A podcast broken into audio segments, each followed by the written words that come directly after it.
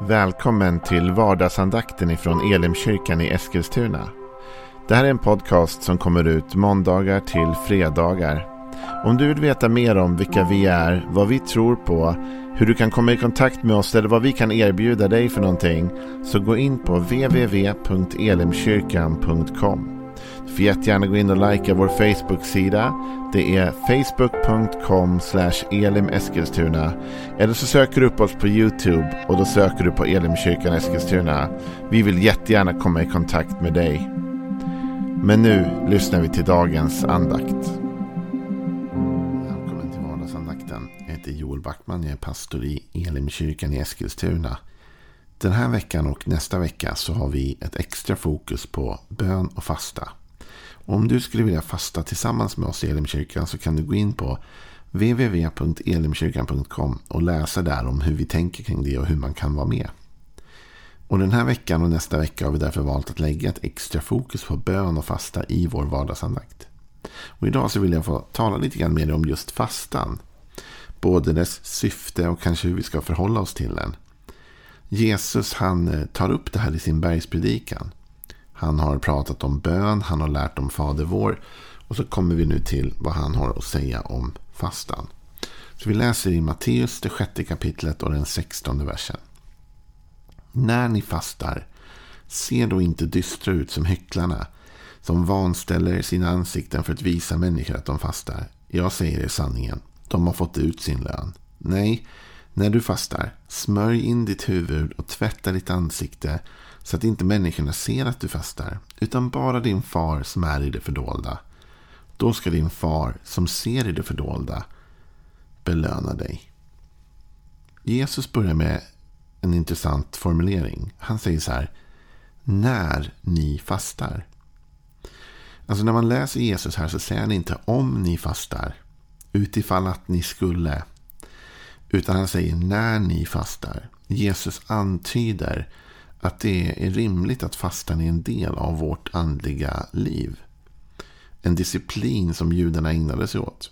Nu var fastan bara påbjuden då egentligen eh, på den stora försoningsdagen. Va? Då var man tvungen att fasta. Men man fastade även i tider då man behövde ånger eller sorg eller ville få reda på sin gudsrelation.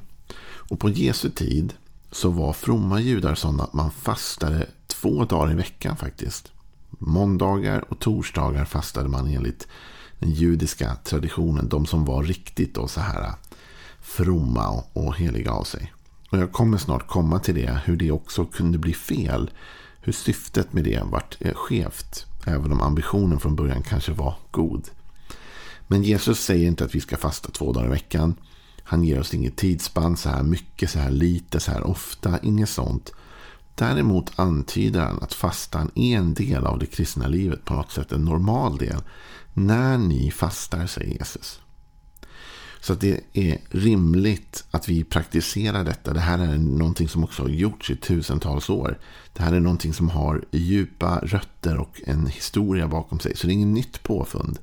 Utan det här är ju del av den religiösa kristna traditionen. Så säger Jesus, när ni fastar, se då inte dystra ut som hycklarna som vanställer sina ansikten för att visa människor att de fastar. Jag säger er sanningen, de har fått ut sin lön. Alltså fastan. Här handlar det om motivet av fastan. Att det fanns de då, fromma judar kanske, och andra som fastade regelbundet. Och som gärna visade att de gjorde det. Men Jesus kallar dem faktiskt för hycklare, de här människorna. De har alltså missförstått hela, hela eh, motivet med fastan. De fastar för människors skull. De fastar inte för Guds skull. Utan de fastar för att få uppmärksamhet ifrån dem runt omkring. Och därför säger Jesus de här starka orden faktiskt att de till och med vanställer sina ansikten för att visa människor att de fastar. Med andra ord, du vet, de grimaserar, de låter, åh det är så jobbigt, åh jag önskar att jag kunde fika med dig, men du vet jag fastar. Alltså, de, de gör allt de kan för att visa upp att de fastar. Och det, liksom säger Jesus, det är inte den vägen man ska gå. De har fått ut sin lön sen. Kan man tänka, vad var det för lön då? Jo, den lön de har fått ut är att de fick precis den uppmärksamheten av människor som de ville ha. De använde detta för att imponera på folket, visa att de var andliga och så vidare. Fastans syfte är inte att imponera på människor. Faktum är att Jesus menar att när vi fastar så borde vi tvärtom inte dra uppmärksamhet till det. Utan vi borde göra vad vi kan för att dölja att vi fastar. Han säger, nej, när du fastar, återigen den här förväntade fastan, va? när du fastar. För en del av oss kanske vi måste landa i de orden lite. När jag fastar, alltså jag behöver då och då återkomma till en fasta. Smörj in ditt huvud. Tvätta ditt ansikte. Så att inte människorna ser att du fastar. Utan bara din far som är i det fördolda. Då ska din far som ser i det fördolda belöna dig. Så Jesus säger visa inte upp detta. Det här är inte någonting som du ska gå och liksom torgföra och, och ha som någon sorts eh, eh, grej som du drar du uppmärksamhet till dig. Va? Utan om du fastar då gör du det för Guds skull. Du gör det inte för människors skull. Bli inte hycklande i detta nu. Klaga inte att du... Hur kan man göra det då säger du? Hur skulle man kunna vara en modern hycklare så att säga? Jo men om du nu fastar. Du behöver ju inte gå och klaga på att du är hungrig hela tiden. Åh jag är så hungrig du vet för jag fastar. Åh, det är så jobbigt, du vet, men jag fastar för guds skull. Alltså, man kan ju säga att man är hungrig, det är inget fel med det. Och man kan väl berätta för vissa människor att man fastar, det är inte heller något fel. Men när det börjar handla om att ge mig uppmärksamhet. När det börjar handla om att jag blir upphöjd av detta för att jag ser så disciplinerad ut. Jag ser så from ut. Jag ser så duktig ut. Då har jag missförstått hela principen av fastan. Det här drar sig till sin spets i Lukas kapitel 18 där det talas om en farisé som var en from farisé. Just en av den sorten som faktiskt fastade två dagar i veckan. Vi läser om honom i Lukas 18 och den nionde versen. För några som var säkra på att de själva var rättfärdiga och som föraktade andra berättade Jesus också denna liknelse. Två personer gick upp till templet för att be. Den ena var farisé och den andra tullindrivare. Farisén han stod och bad för sig själv. Gud, jag tackar dig för att jag inte är som andra människor. Roffare, brottslingar, äktenskapsbrytare eller som den där tullindrivaren. Jag fastar två gånger i veckan.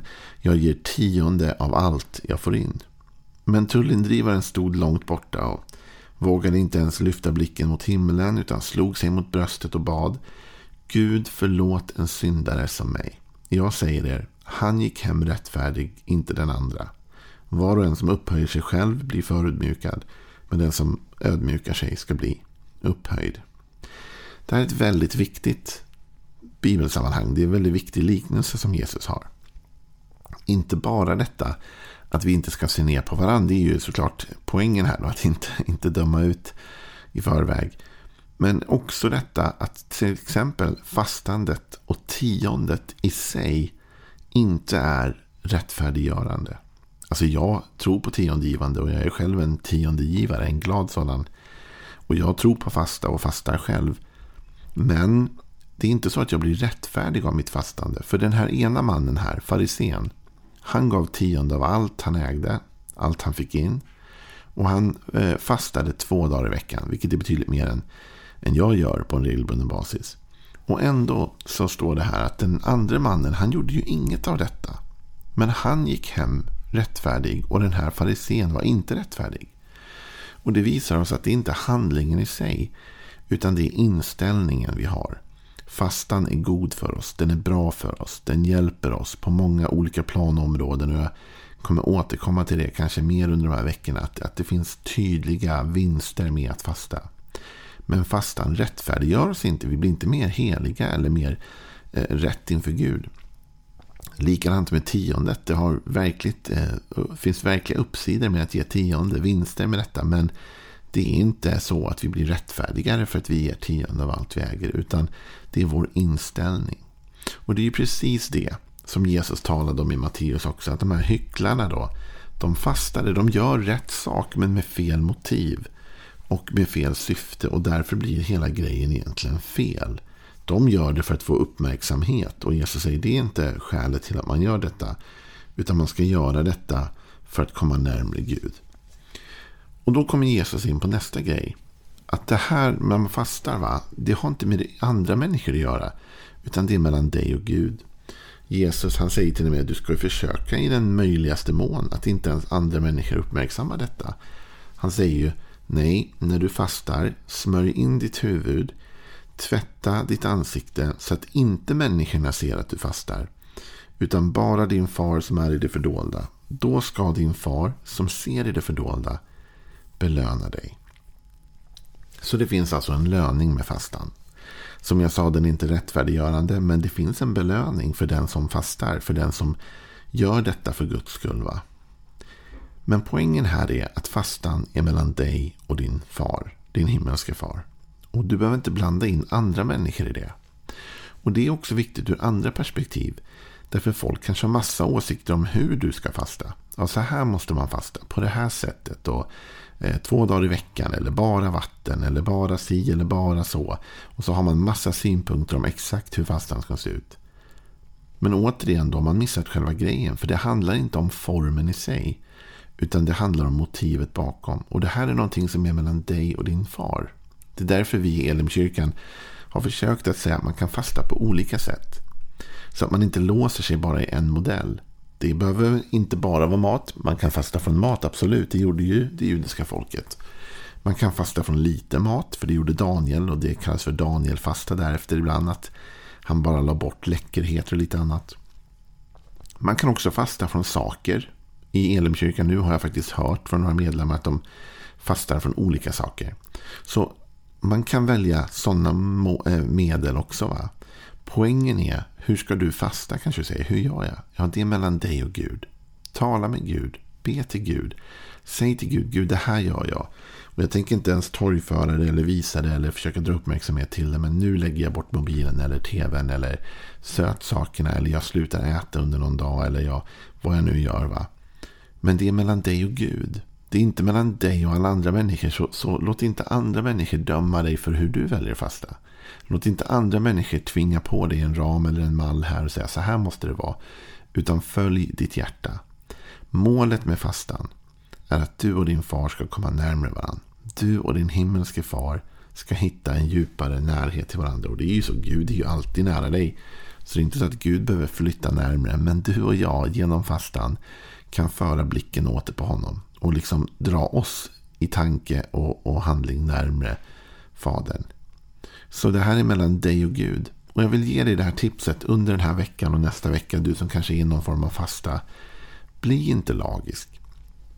Bibeln visar oss här att farisén som var så lagisk och gjorde allting rätt efter alla de här uttryckta mallarna och formerna. Han var inte den rättfärdige i slutändan. Utan den som blev rättfärdig var den som hade rätt motiv i hjärtat.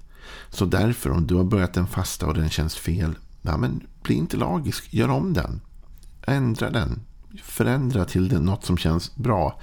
Och om du inte lyckas hålla det mål som du har. Om du inte lyckas leva upp till den standard du själv satte de här veckorna. Döm inte dig själv för det.